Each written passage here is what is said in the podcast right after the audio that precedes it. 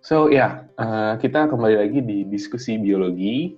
Tamu hari ini sebenarnya nggak jauh-jauh dari klaster yang kemarin. Jadi kemarin kita kedatangan Zidni dari ekonomi dan bisnis. Sekarang kita kedatangan Dianti Widyoning Widyawati Ningrum. Namanya nih. Wah nggak jadi deh kalau salah namanya. bener loh Dianti Widyawati Ningrum, bener kan? Iya benar benar. benar, benar. Hmm. Nah terus um, Dianti, um, aku sebenarnya nggak begitu hafal sih backgroundmu tuh apa, cuman dirimu ada di di Fakultas Visipol, bener kan? Benar. Ilmu sosial dan politik. Hafal nggak nah. nih jurusan Visipol ada apa aja jangan? Bentar, ilmu komunikasi, benar? Uh, benar. AI, uh, terus uh, sosiatri, benar? Wah parah, udah ganti namanya mas. Udah. Apa sekarang namanya? Wah namanya pembangunan sosial dan kesejahteraan. Pembangunan sosial dan kesejahteraan, hmm. itu jurusanmu bener nggak? iya, iya. Masih kurang dua. Apalagi uh, ilmu politik, bukan ya? Mm -mm ilmu politik terus satu lagi uh, dua tiga deh berarti tadi mau politik berarti masih dua lagi. Waduh kok nambah terus? Iya dan sosiologi? Iya, iya. Uh -uh. terus satunya aku nggak tahu. Satunya kebijakan publik. Oh kebijakan publik. Masuk situ juga ya? Oke mm oke. Okay, okay. wah menarik banget nih. Iya jadi uh. gimana? Ada yang mau ada yang mau dipromot nggak tentang jurusan Gak apa-apa kalau bicara ya, bener -bener. Eh, jadi jurusan aku pembangunan sosial dan kesejahteraan. Jadi kalau biologi di sebelah timur, hmm. timur kita terpisah kita GSP ya. Hmm. Kita terpisah dan Kaliurang. Iya, iya, jangan Kaliurang. GSP dan Kaliurang ya. Iya. Bener banget. Gimana apa kabar? Baik. Kayaknya seneng-seneng aja gitu ya sekarang. Ya, gimana ya? Tahu sendiri lah ya gimana. Kalau doctoral student, apakah senang? kita ketawa dengan frekuensi yang sama. Ketawanya satu ini ya. Satu frekuensi. Satu, satu tonality. Iya. gitu. Aduh, udah lama ya. Tadi sempat iya. ngobrol juga sebelumnya berapa tahun udah. 2000 berapa dulu? 14, 15. 15. Berapa ya? Terakhir kali ketemu kayak di depan di depan perpustakaan UGM itu nggak sih? Iya, iya dan itu Rame itu pun setelah setelah itu pun kita belum pernah ketemu lagi kan? Iya wah. Parah. Emang. Siapa yang parah? Tapi tapi walaupun nggak pernah ketemu aku ngerasanya kayak soalnya banyak ini ya kita ada banyak mutual friend. Jadi kadang-kadang tuh kalau mm -hmm. lagi ngobrol dengar gitu kan namanya. Jadi kayak kayak tidak gitu ya? kayak, ya nggak gitu juga. Oh, iya, iya. Maksudnya merasa tidak pernah uh, maksudnya ketemu nggak sadar kalau ketemunya tuh udah selama itu dari dulu. Bener, bener, bener. Jadi temen dua temen dekat aku, Intan kan juga dekat juga sama Mas Anka kan. Mhm, mhm. aku kan sering banget ngobrol sama Intan. Mhm. Sama Sania juga. ya, Oke. Okay. Teman sebelah kamar dulu di kosan. Terus juga terakhir tuh baru dia lagi masak-masak gitu kan sama anak-anak terus sambil ngobrol sama aku. Jadi kayak oh iya si Sanka nih dan segala macam. Jadi iya sih. Oh, iya.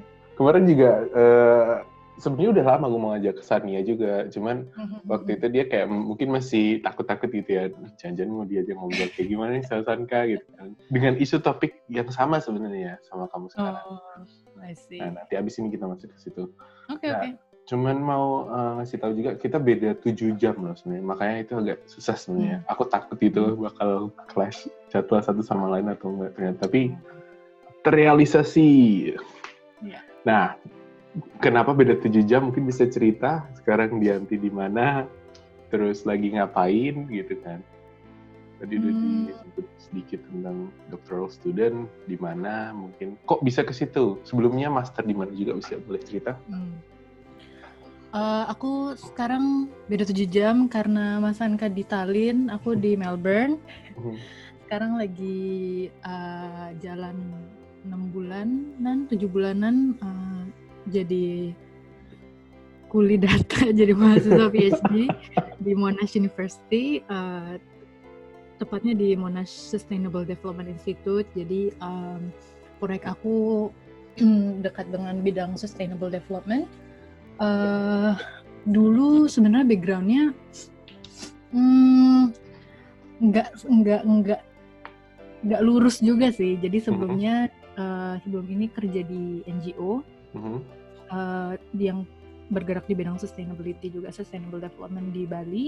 Okay. Ubud uh, selama dua tahun di sana. Terus sebelum kerja itu dulu di uh, master urban development, uh, urban planning, urban ya kayak hybrid urban development, urban planning di Manchester. Uh-huh. Um, sebelumnya S1-nya uh, basicnya pembangunan sosial dan kesejahteraan gitu. Jadi mungkin intersectionality antara ilmu sosial dan sustainability mungkin ya. Mm-hmm. Hmm. Oke. Okay. Yeah. yeah. I've heard a lot. Jadi kayak lebih banyak karena Sania sering ceritakan, iya sustainable development itu kayak gini, kayak gini, kayak gini. Jadi, yeah. jadi cukup ada bayangan dan dan makanya aku berani kontak kamu gitu kan untuk eh kayaknya bisa di sama Dianti gitu kan buat mm-hmm. ngobrolin tentang hal ini uh, mm-hmm. lebih spesifiknya ke topik climate change ya. nah, uh, sebenarnya pertama aku mau ngucapin makasih udah ngeluarin waktu. Mm-hmm. Terus uh, di sini diskusi biologi ini aku inisiasi sebenarnya uh, dari keresahan, keresahan karena masih jarang kan kolaborasi antar bidang gitu. Mm-hmm. Nah, salah satunya ingin nih ngenalin biologi ke bidang lain juga. Nah, mm-hmm. terus dari bidang pingin juga dengar dari bidang lain tentang perspektif biologi. Kalau hmm. Yanti terakhir dengar kata biologi kapan?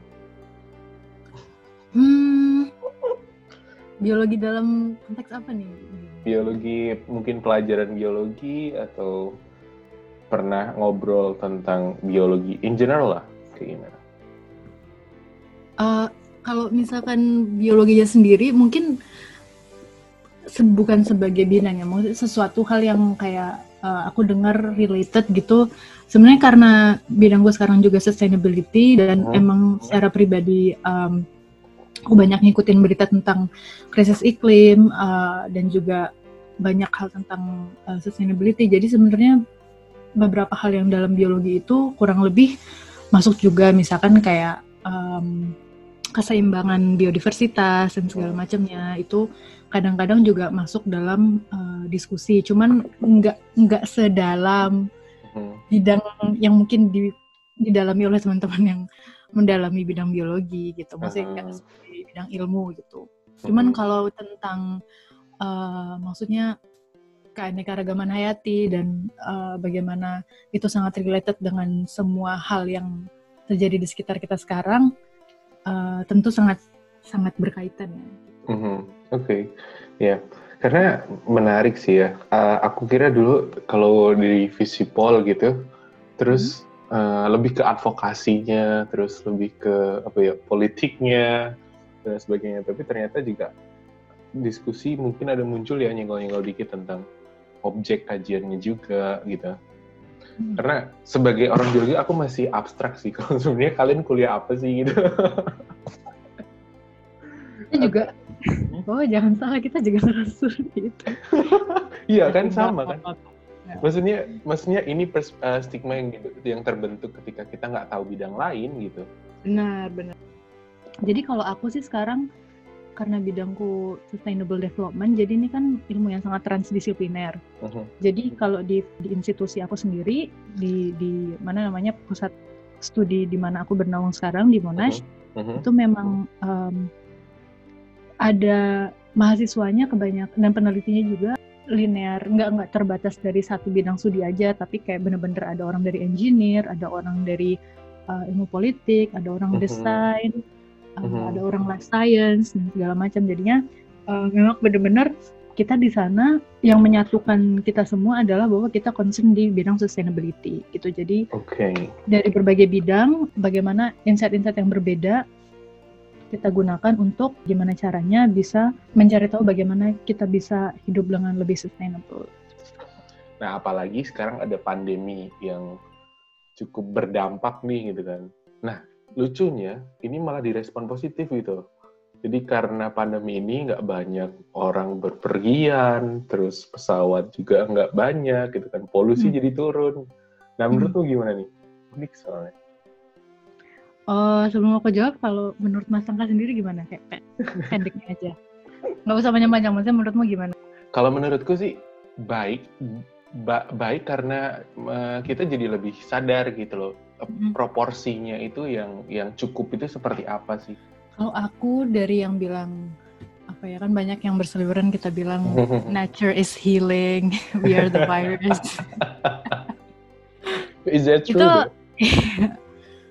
kalau aku pribadi enggak, okay. aku enggak merasakan itu. Maksudnya -hmm. memang ada hal-hal baik yang timbul dari adanya pergantian cara hidup kita akhir-akhir ini setelah pandemi ya itu tadi sebenarnya kita berpikir ulang sebenarnya kita butuh nggak sih mengkonsumsi semua barang itu? Sebenarnya kita butuh nggak sih konferensi ke luar negeri ratusan orang kalau misalnya sebenarnya lewat zoom aja bisa gitu. Yeah, true. Kita butuh nggak sih beli-beli hal itu? Padahal sebenarnya dengan belanja secukupnya kita udah bisa hidup tiga minggu gitu, gitu. jadi menurutku in that sense orang orang-orang bisa berpikir ulang mengenai what is possible gitu kan orang-orang sebelumnya bilang kalau oh nggak mungkin nggak mungkin itu cuman ketika kita dipaksa harus masuk ke dalam kondisi itu ternyata mungkin gitu dan ternyata mm -hmm. bisa It's, mm -hmm.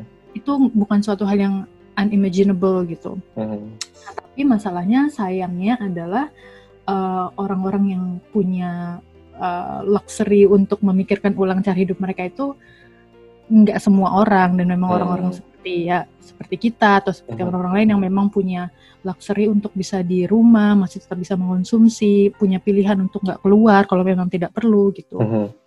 sayangnya banyak sekali orang di luar sana yang nggak punya pilihan itu kan. Mereka mungkin essential worker mereka mungkin um, memang kalau nggak keluar untuk bekerja mereka nggak punya penghidupan lain gitu. Jadi apa ya the good thing yang kita sekarang saksikan ini come at the expense of orang-orang lain yang mau nggak mau dikorbankan dalam tanda kutip dalam okay. dalam hal ini gitu. Mm-hmm. Jadi kayak ya kita lihat sendiri kan bagaimana pandemi ini memperparah banyak injustice, banyak masalah-masalah ketidakadilan dan diskriminasi gitu di banyak hmm. negara, lagi yang berhubungan dengan ras, hmm. dengan etnik, bagaimana kayak misalkan essential medical worker di Amerika atau di Eropa kebanyakan mereka adalah dari imigran, benar, uh, uh-huh. mereka people of color, dan juga ya kayak di negara-negara seperti di Indonesia kalau yang apa yang punya yang punya luxury untuk kerja di rumah ya memang mereka yang yang mungkin pekerjaannya manajerial ya, cuman mereka benar. yang apalagi Indonesia sebagian besar hampir setengah kan bergantung pada uh, sektor informal ya benar, kan? Benar iya iya. Mereka nggak mungkin nggak mungkin di luar gitu. Menurutku agak untuk orang-orang yang bilang ini adalah kayak cara dunia healing itself uh -huh. itu agak nggak adil buat orang-orang yang uh, dalam tanda kutip dikorbankan benar benar, benar. ini gitu. Uh -huh. untuk untuk masa untuk mereka biar, biar jadi sadar aja kita harus ya, ya ribuan orang harus meninggal dan harus, harus kehilangan kerjaan untuk itu jadi menurutku bukan bukan pandeminya itu sendiri adalah cara nature healing itself gitu. Jadi ya maksudnya ada ada yeah, ada yeah. dampak baiknya ada uh -huh. dan uh-huh. kita perlu justru uh -huh. justru kita harus lebih peka dengan dampak-dampak baiknya itu dan lebih bilang oh ya udah inilah uh, the new normal kita harus uh -huh. belajar untuk mengambil hikmah uh, dari ini semua tapi bukan berarti ini dijustifikasi gitu. Iya, wah aku suka banget sih, keren. Maksudnya karena uh, untuk ini juga keresahanku beberapa waktu lalu. Jadi hmm. karena simpang siur kan, ini ada positifnya, ada negatifnya. Terus harus bersikap seperti apa sih? Terus di sini kamu cerita bahwa oke, okay, kalau misalnya kita renew, ya kan, maksudnya ada beberapa hal yang harus dibenahi, iya, hmm. tapi tidak boleh dijustifikasi. Ada hal-hal yang harus diimprove juga, gitu ya, hmm. untuk untuk yang luar biasa. Jadi kalau di Oke oh, gitu sih. Jadi mm -hmm. uh, mau nambahin aja uh, mm -hmm. kalau misalkan di bidang uh, ilmu politik dan sosial gitu, apalagi di bidang political ekologi gitu, mm -hmm. untuk orang-orang yang benar-benar yang suka bilang kalau nature is healing gitu, orang-orang yang percaya hal seperti itu tuh ada istilahnya, uh, yaitu ekofasif. Ekofasif. Ekofasif. Ekofasisme. Fasisme. Oh, oke. Okay. Hmm, okay. Jadi Baru ya fasisme hmm? tapi untuk ekologi gitu dan ini hmm. uh, kebanyakan orang-orang yang berpikir kalau misalkan it's okay untuk mengorbankan dalam tanda kutip sebagian dari manusia uh-huh. demi alam gitu. Jadi benar-benar mereka yang um, pembela lingkungan garis keras, uh-huh. tapi in the process mereka nggak melihat bahwa uh, mereka menjustifikasi hal-hal kayak rasisme dan uh-huh.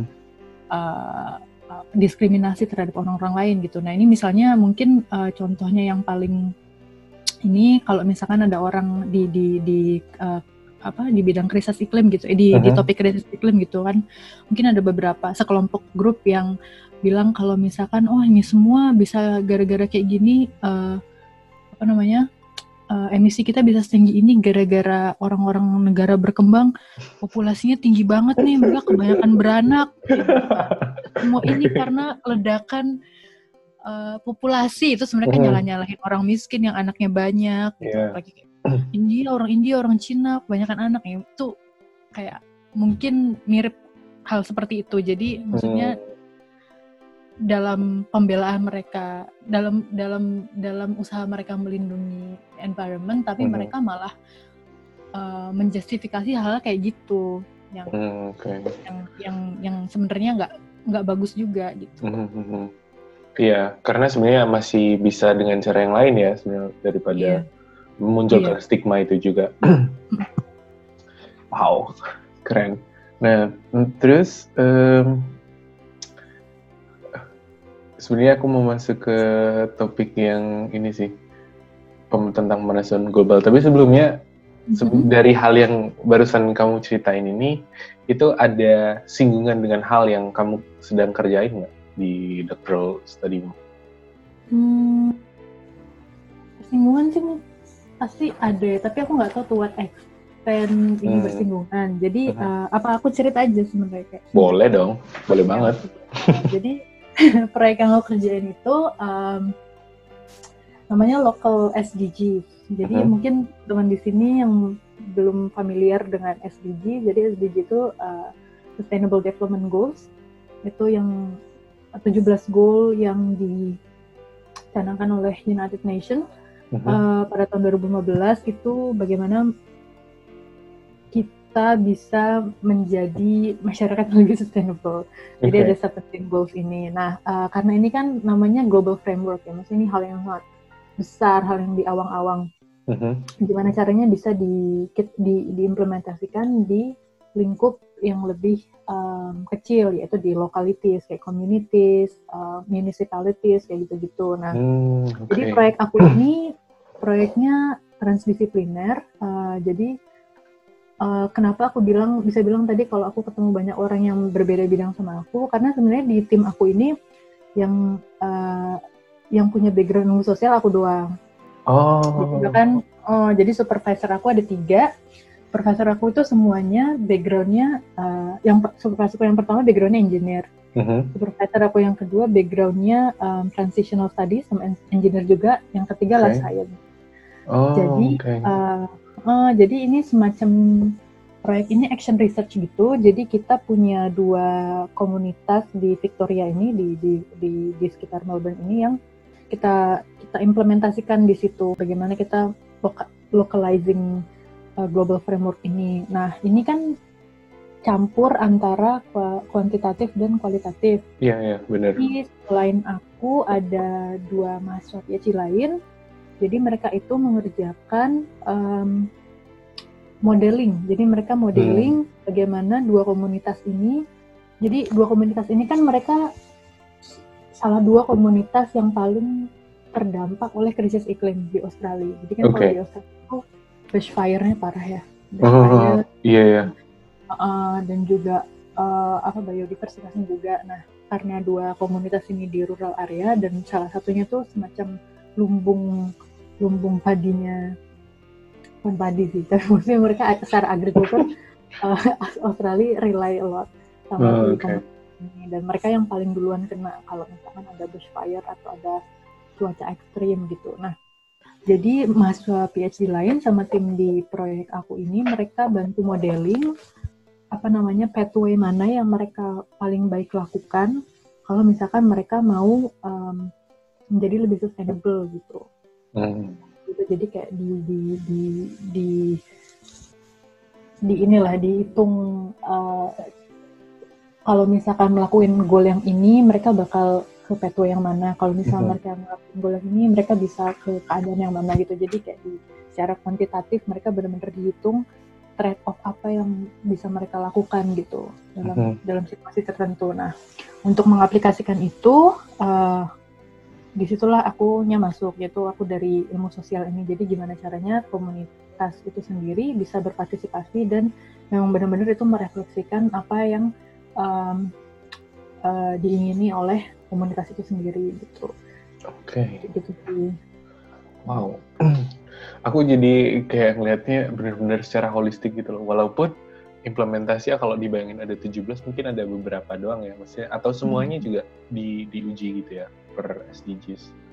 Hmm, jadi masalahnya sebenarnya oh ya aku belum cerita. Jadi kenapa ini perlu modeling? Uh mm-hmm. -huh. Itu kan karena SDG ini ada 17 kan memang banyak banget Benar. ya. Jadi uh mm-hmm. topiknya itu mulai dari uh, reducing poverty, terus reducing hunger, mm-hmm. gender equality, uh, economic prosperity, biodiversity, pokoknya benar-benar well-being dari segala macam aspek kehidupan mm-hmm. manusia gitu. Nah masalahnya ketika kita hidup sekarang uh, ada dua hal yang perlu kita uh, ingat untuk gimana cara kita mencapai well-being ini. Yang pertama itu bahwa kita sekarang hidup di uh, masa yang uncertain. Jadi uncertain itu seperti mm-hmm. akan terjadi gitu. Misalkan ya kayak ya pandemi ini yeah, itu bahkan kayak ya bushfire di Australia kemarin hal-hal yang kamu nggak bisa mm-hmm. prediksi mm-hmm. di awal. Terus yang kedua juga trade off. Jadi misalkan uh, kamu nggak bisa expect kamu bakal um, mencapai economic prosperity yang maksimal, hmm. tapi kamu juga ingin melindungi biodiversitas kamu in the long run gitu jadinya mm-hmm. ada ada ada transaksi yang harus kamu lakukan gitu kayak lo mau milih yang mana mau milih uh, keberlanjutan tapi mungkin economic gain lo nggak sebanyak itu atau ya udah lo mau maksimalkan economic gain tapi ya ini semua nggak akan berlangsung lama gitu jadi mm. hitung-hitungan dari milih yang mana nih lo milih ekonomi apa milih environment kayak gitu, -gitu. istilahnya itu hitungan kayak gitu. Nah jadi mm-hmm. kenapa akhirnya di antara goal ini sendiri banyak yang conflicting, apalagi mm. goal yang berhubungan dengan economic prosperity Bener. sama goal yang berhubungan dengan environment. Uh Itu mereka selalu in conflict. Nah okay. jadi kenapa butuh ada uh, hitung-hitungan dalam kalau dalam proyekku ya mereka uh merasa kalau uh, ha, mungkin salah satu caranya adalah dengan memberi memberi gambaran uh, secara luas kepada komunitas ini ini loh apa yang akan terjadi dalam komunitasnya kalau lo milih untuk uh, ngelakuin hal-hal ini kalau misalnya lo memilih ngelakuin hal yang berbeda ini konsekuensinya kayak gitu jadi lebih kayak di, ditunjukin hal eh, hal-hal yang berbeda tapi melalui computational modeling gitu modeling ya ya oke okay. ya yeah, got it jadi ada gambaran juga pada akhirnya Uh, dan ini bagus ya kalau bisa diimplementasi di berbagai daerah. Jadi cukup transparan juga kalau misalnya oke okay, ada kebijakan yang keluar, ada misalnya teknologi yang masuk dan lain sebagainya. Terus trade off-nya apa nih dari berbagai opsi itu gitu kan. Dan itu hmm. ditawarkan ke komunitasnya gitu kan sebenarnya. Hmm. Yang tadi kamu cerita. Dan itu masih jarang banget apalagi kayak di Indonesia kayak nggak ada deh. Bener gak? Kayak uh, di banyak kepentingan juga gitu. Iya bener. Wow. Mind blowing tapi wow, kita harus lanjut. Oke. Okay. Nah, uh, nah terus kita masuk ke topik yang kedua nih. Tentang pemanasan global dan climate change. Kalau menurut Dianti sendiri, apa sih itu? Menurut aku. atau dari oh. menurut studimu atau oh. in general aja gitu. Karena oh. nanti aku uh. ini aku akan cerita sisi biologi dan hal yang aku dapat dari uh, maksudnya waktu ada salah satu course membahas tentang ini gitu. Dan ini kayaknya hmm. menarik buat dibahas dari dua hmm. perspektif. Mungkin dari Mas Sangka dulu, okay. nanti kita bisa menimpalin. Oke, okay. jadi kalau jadi di salah satu courseku dulu dia satu malah Hmm? Ada, oh ya? ada namanya oh. paleontologi. Jadi ini, ini tentang uh, apa ya? Ancient stuff lah, fossils terus ah. tentang peradaban dan lain sebagainya gitu. Dan ini lecturernya juga bilang bahwa saya nggak percaya sebenarnya dengan pemanasan global atau Oh iya? Karena itu siklus yang memang ada dari bumi sendiri gitu loh. Dan itu memang memang bumi akan panas dan dingin lagi dan panas lagi yeah. gitu. Ya, yeah, in that sense it's true. Jadi sekarang orang-orang ini mem mem mempromot bahwa iya semuanya akan berimpact ke pemanasan global atau climate change. Tapi sebenarnya bumi sendiri tuh tahu kok dia waktunya seperti apa gitu. Kenapa kita jadi ribut kayak gitu? Hmm. Kalau dari aku itu sih, jadi makanya sebenarnya dulu perasaanmu gimana waktu denger itu? Waktu denger itu sih aku kayak hmm, sebenarnya karena dia jauh lebih dulu belajar tentang hal ini. Jadi aku percaya aja sih dan setelah dilihat studinya juga uh, memang bumi kan punya siklus sendiri ya dan manusia mm -hmm. di situ baru sebenarnya berusaha untuk menyesuaikan nggak sih gitu. dan dua arah apakah manusia menyesuaikan untuk bumi gitu kan ya atau manusia mm -hmm. sendiri gitu. Mm. Jadi ada dua dua perspektif di situ dan menurutku sekarang masih banyak orang yang mikir menyesuaikan untuk manusia sendiri dibandingkan hmm. dengan apa yang uh, apa bumi lakukan. Gitu. Menurutmu gimana? Kalau menurutku sebenarnya kalau dia ngomongnya kayak gitu, beliau ngomongnya seperti itu, ya nggak salah sih. Okay. Masalahnya siklus memang benar kalau misalkan hmm. ini dari yang aku ini ya, maksudnya aku pelajari. Yeah. Jadi maksudnya uh, aku memang bukan bukan saintis dalam hal uh, biologi atau life mhm. scientist mm -hmm. atau mm -hmm. atmosfer scientist itu jadi bener-bener aku memang belajar dari hal-hal yang memang ada kaitannya dengan krisis iklim ini jadi mungkin kalau misalkan ada koreksi silahkan nah setahu mm -hmm. aku memang siklus pemanasan global ini adalah suatu hal yang bukan pertama kali terjadi mm -hmm. di ratusan ribu tahun yang lalu dan juga jutaan tahun yang lalu memang ini pernah terjadi apalagi ketika misalkan ada kejadian-kejadian seperti letusan gunung berapi yang memang dia menyemburkan sulfur kan ya ke, hmm. ke, ke stratosfer atmosfer jadinya tertutup dan memang um, menciptakan apa seperti selimut itu sendiri yang memerangkap panas di di di di di, di bumi itu sendiri. Nah, hmm. perbedaannya dari yang kemarin-kemarin terjadi sama yang akan kita hadapi dan yang sedang kita hadapi sekarang itu adalah yang sekarang itu tidak natural.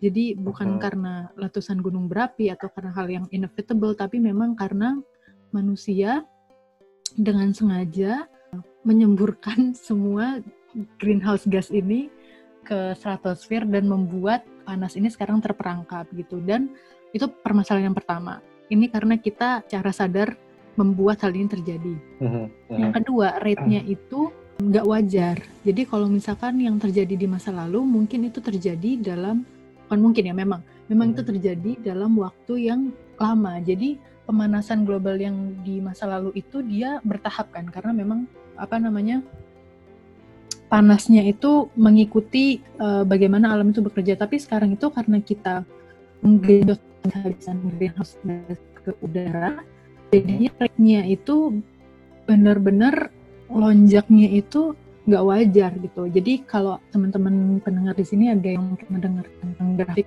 hoki digunakan oleh beberapa saintis, atmosfer saintis untuk melihat rate dari seberapa banyak sih kandungan karbon udara kita gitu dibandingkan dengan uh, beberapa uh, ratus ribu tahun ke belakang atau beberapa juta tahun ke belakang. Jadi mereka kayak membuat reka ulang gitu apa namanya um, kandungan karbon di udara dan tahun ke belakang.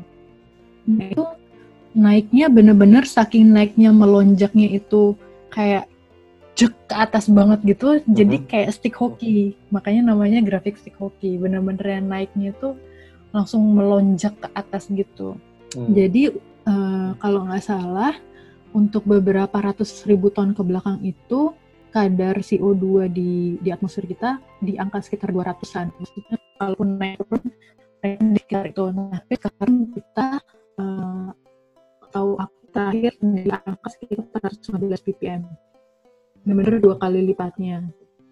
Nah dan ini uh, nyemburnya itu kalau di dulu-dulu uh, pemanasannya itu terjadinya misalkan dalam be dalam beberapa ribu tahun. Jadi kayak dia punya waktu untuk uh, apa namanya uh, bumi ini tuh panas panasnya mungkin makhluk-makhluk yang ada di bumi pada saat itu kenapa masih bisa uh, ada Survive yang gitu nggak ya? semuanya nggak uh, semuanya wipe out karena mungkin ada beberapa dari mereka yang berhasil berevolusi karena uh, pemanasan ini juga berangsur-angsur gitu. Nah, kalau okay. sekarang itu hanya terjadi dalam waktu 200 tahun aja. Kalau dulu tuh kayak 2000 tahun gitu, kayak ribuan tahun. Nah, sekarang benar-benar cepat gitu. Jadinya nggak tahu apakah ini bisa uh, kita bisa melalui ini semua. Nah, terus melalui eh dengan dengan uh, tadi dosennya Mas Angka bilang kalau misalkan ini pernah terjadi ya benar ini pernah beberapa kali terjadi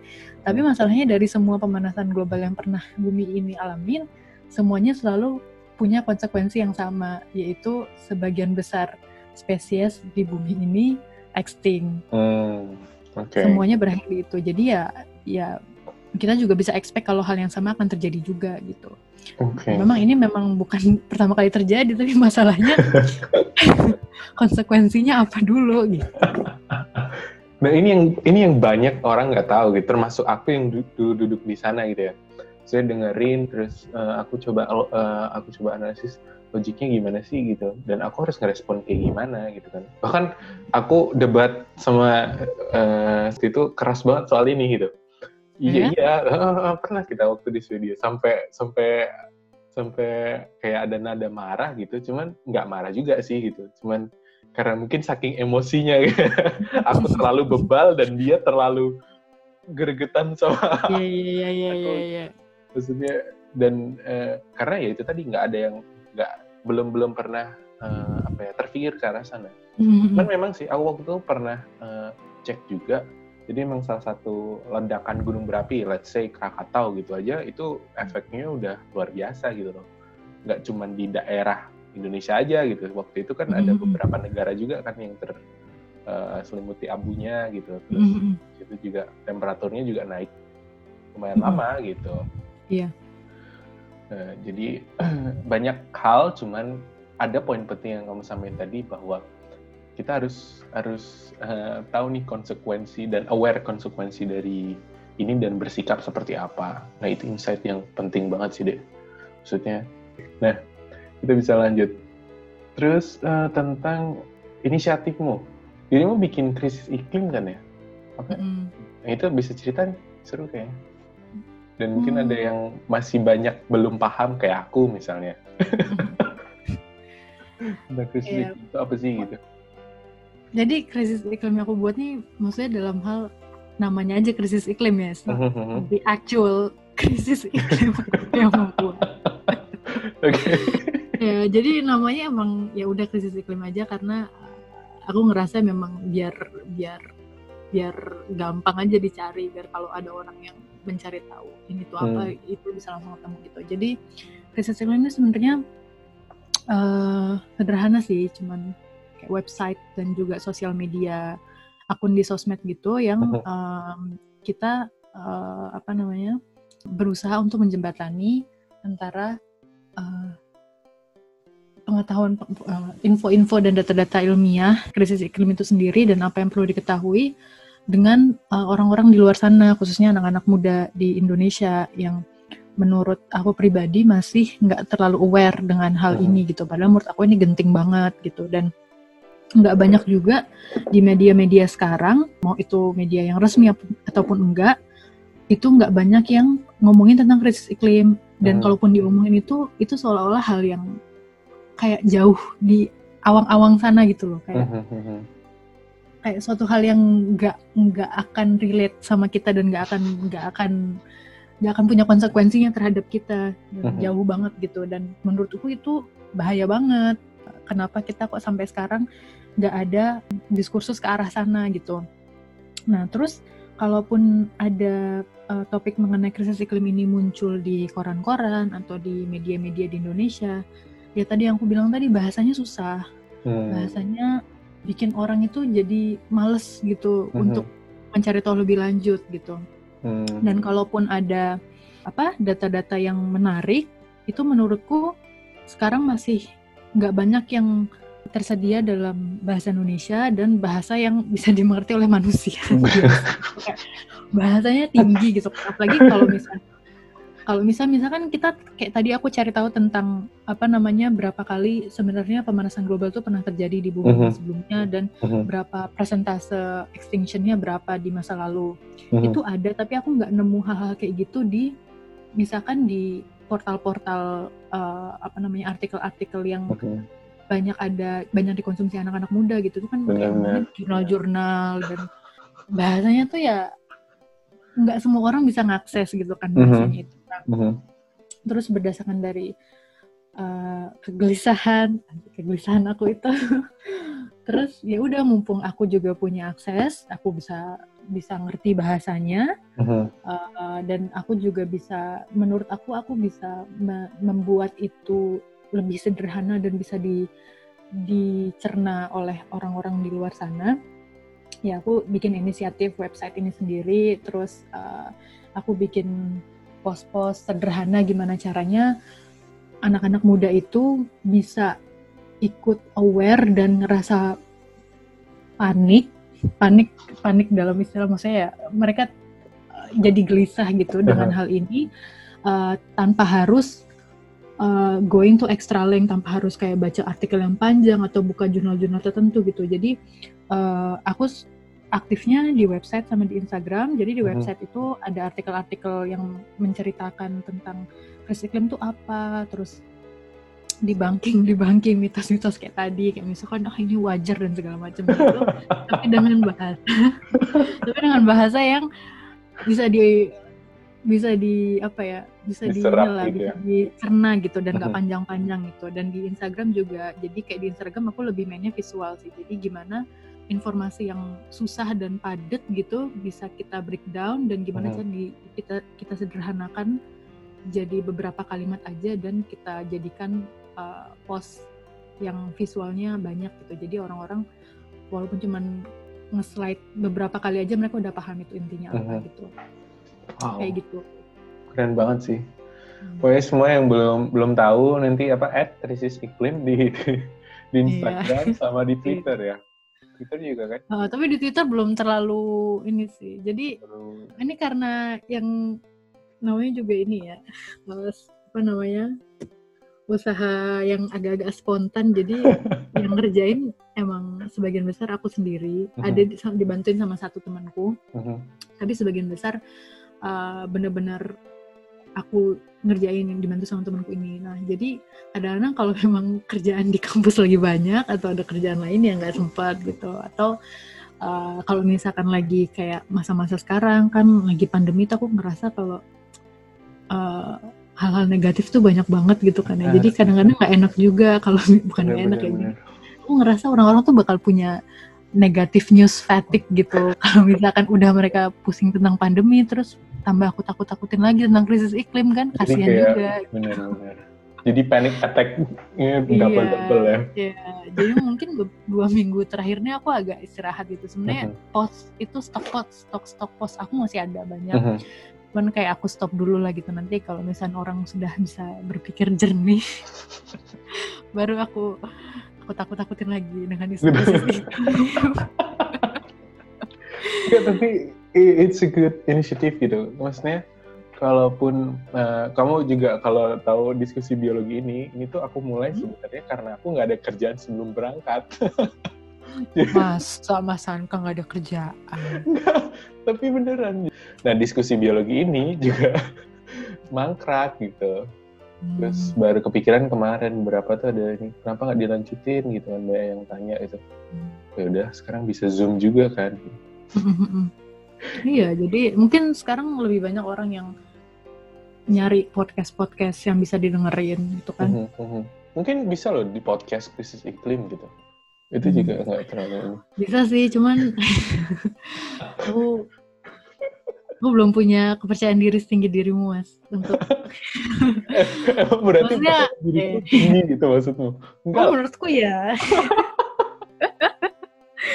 Aduh. Uh, ya, gue tapi iya. mulai aja dulu karena banyak informasi yang mungkin uh, orang lebih prefer katamu tadi hmm. lebih prefer didengerin gitu gitu timbang baca gitu karena kan baca mungkin hmm. Orang udah taruh ekspektasi dulu kan di depan sedangkan di, hmm. ketika dengerin kan lebih spontan gitu jadi hmm. uh, mungkin ada unexpected stuff yang kamu bisa masukin di tengah-tengah kayak sekarang ini gitu aku juga tadi kan sempat terdiam kan oh iya yeah, ternyata kayak gitu juga maksudnya dan dan itu bisa langsung dibagi gitu sih. Oh, iya.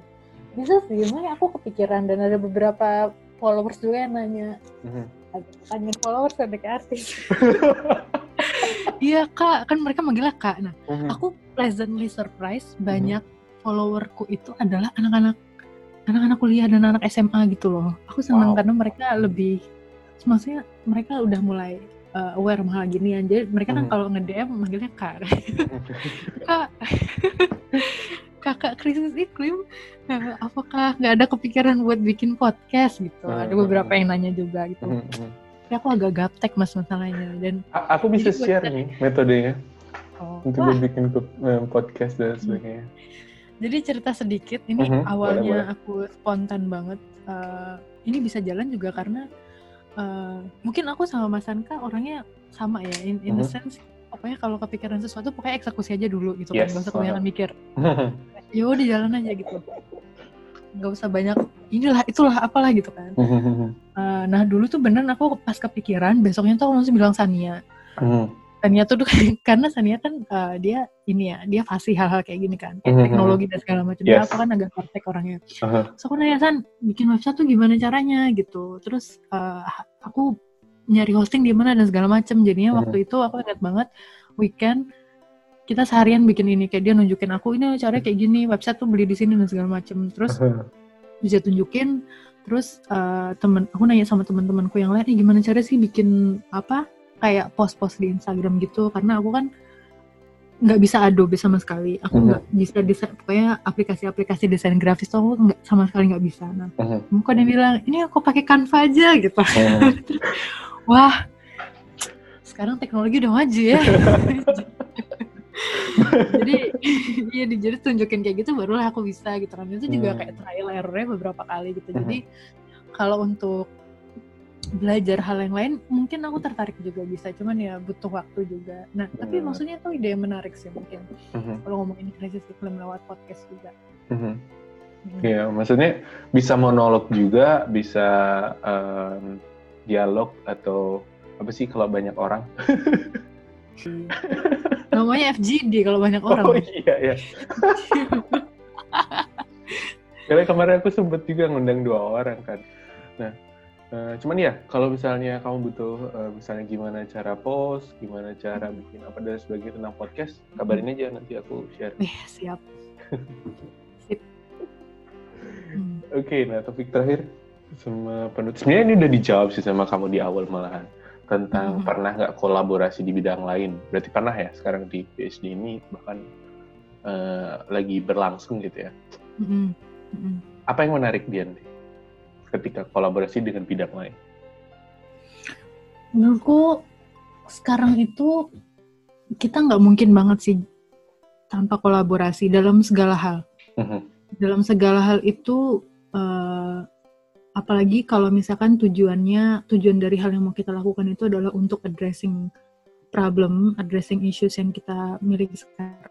Kalau jalan sendiri-sendiri itu mungkin banget menurutku. Misalkan ambil contohnya dari krisis iklim ini aja mungkin ini karena aku uh, secara pribadi ini hal yang memang aku uh, minatin dan aku concern gitu dan kayak kalau aku banyak ngobrol sama teman-temanku yang mungkin dari bidang STEM um, atau bahkan bukan mungkin nggak STEM ya mungkin kayak misalkan bisnis gitu uh-huh. aku lumayan terkejut mendengar bagaimana uh, walaupun hal yang kita omongin itu sama, isunya itu sama, tapi cara kita approach itu beda banget. Dan perbedaan approach itu bisa benar-benar membuat apa mem, aksi yang kita uh, solusi yang kita tawarkan itu apa itu juga berbeda gitu. Dan hmm. aku I'm surprised at how ini tuh semua sebenarnya perbedaan pandang aja tuh bisa membuat suatu hal itu bisa kemungkinan untuk diadresnya tinggi atau rendah gitu. Maksudnya aku pernah berantem.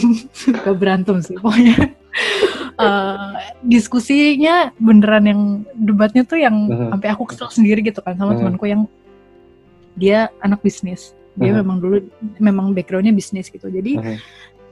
dia percaya kalau misalkan jadi dia tuh pernah ngobrol di di mana namanya di di sosmed kalau misalkan uh-huh. dia tuh nggak suka sama orang-orang uh, yang demo-demo kayak untuk Fridays for Future dan climate strike kayak gitu-gitu.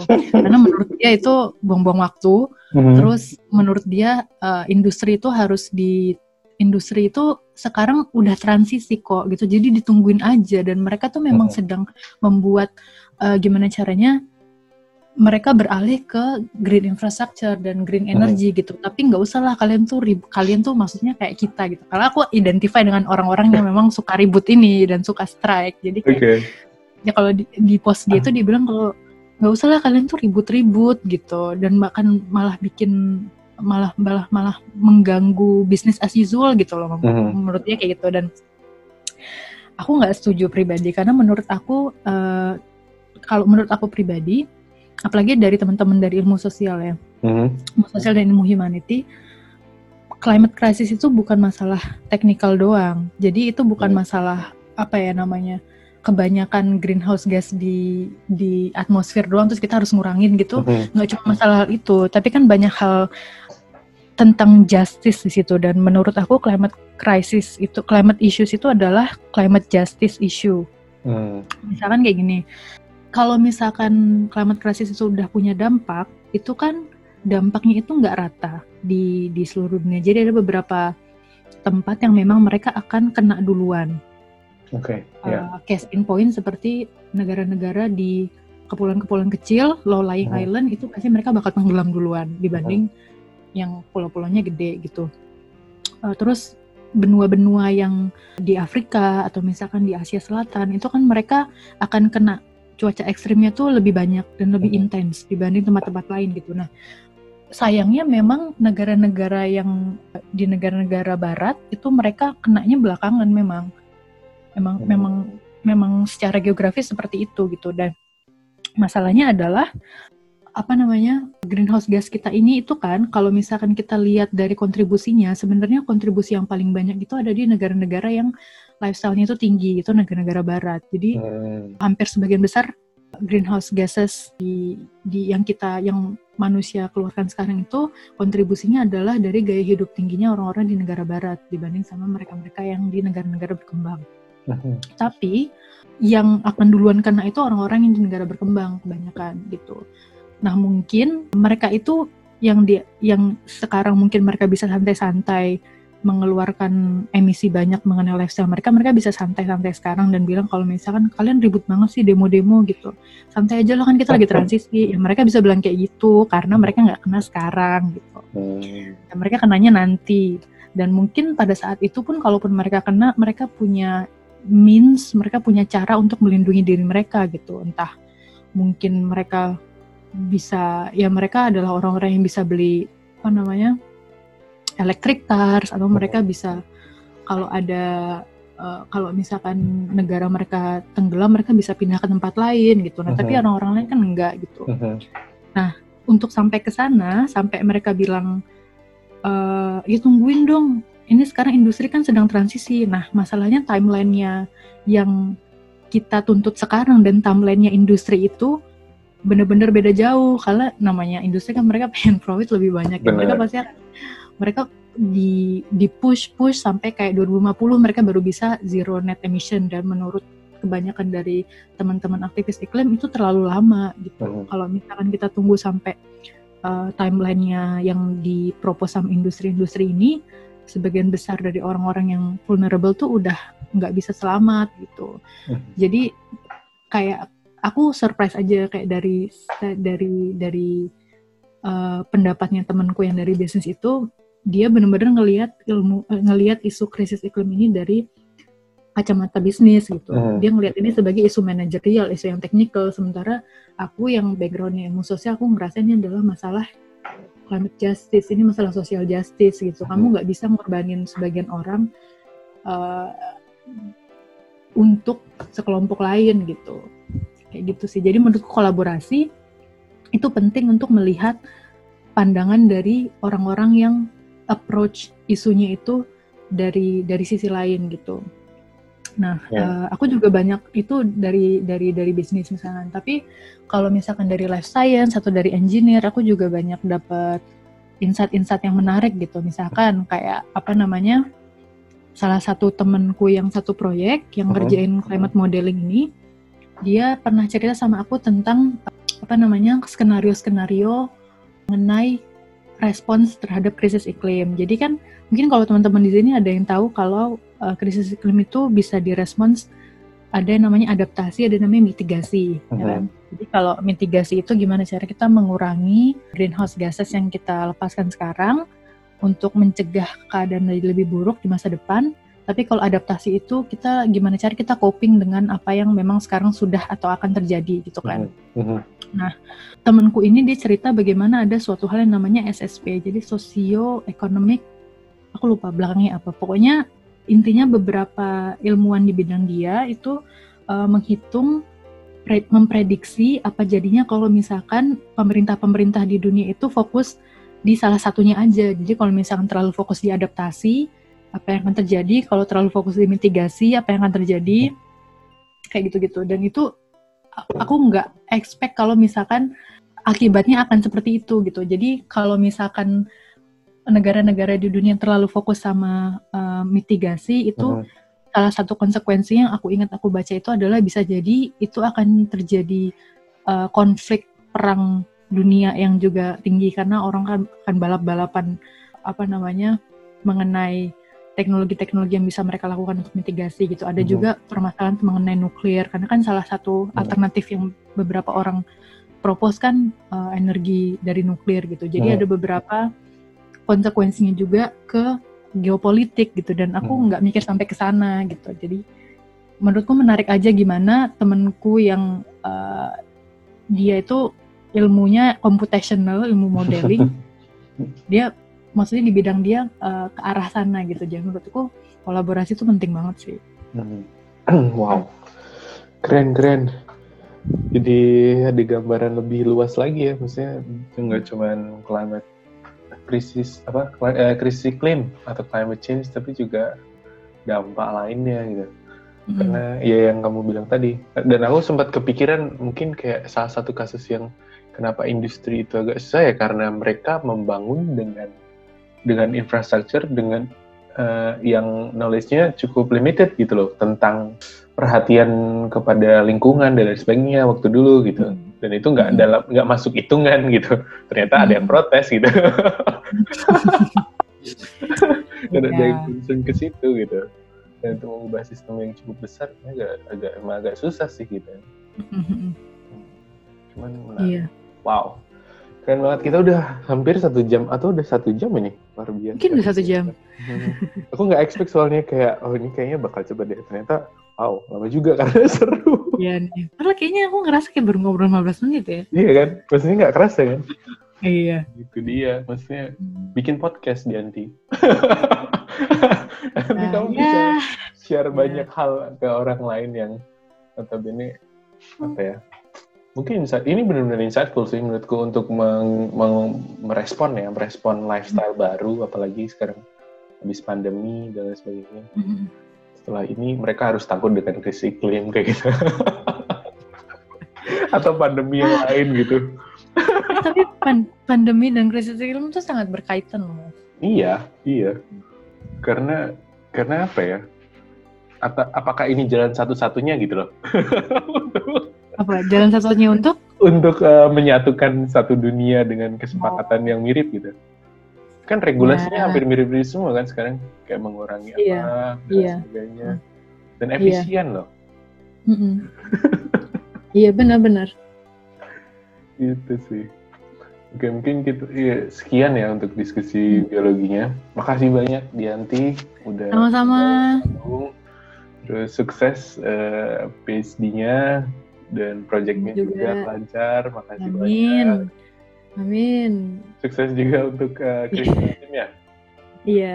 Nanti kalau misalnya ada yang mau kontak langsung ke Instagram atau ke DM. Iya di, di ada websitenya www.krisisiklim.com uh -huh. sangat sederhana tidak uh -huh. susah dicari uh -huh. uh, Instagram at krisisiklim Instagram at krisisiklim oke okay. uh -huh. jadi bisa langsung cek di sana ya semuanya ya uh yeah. makasih Dianti. Sama-sama. Makasih juga udah diundang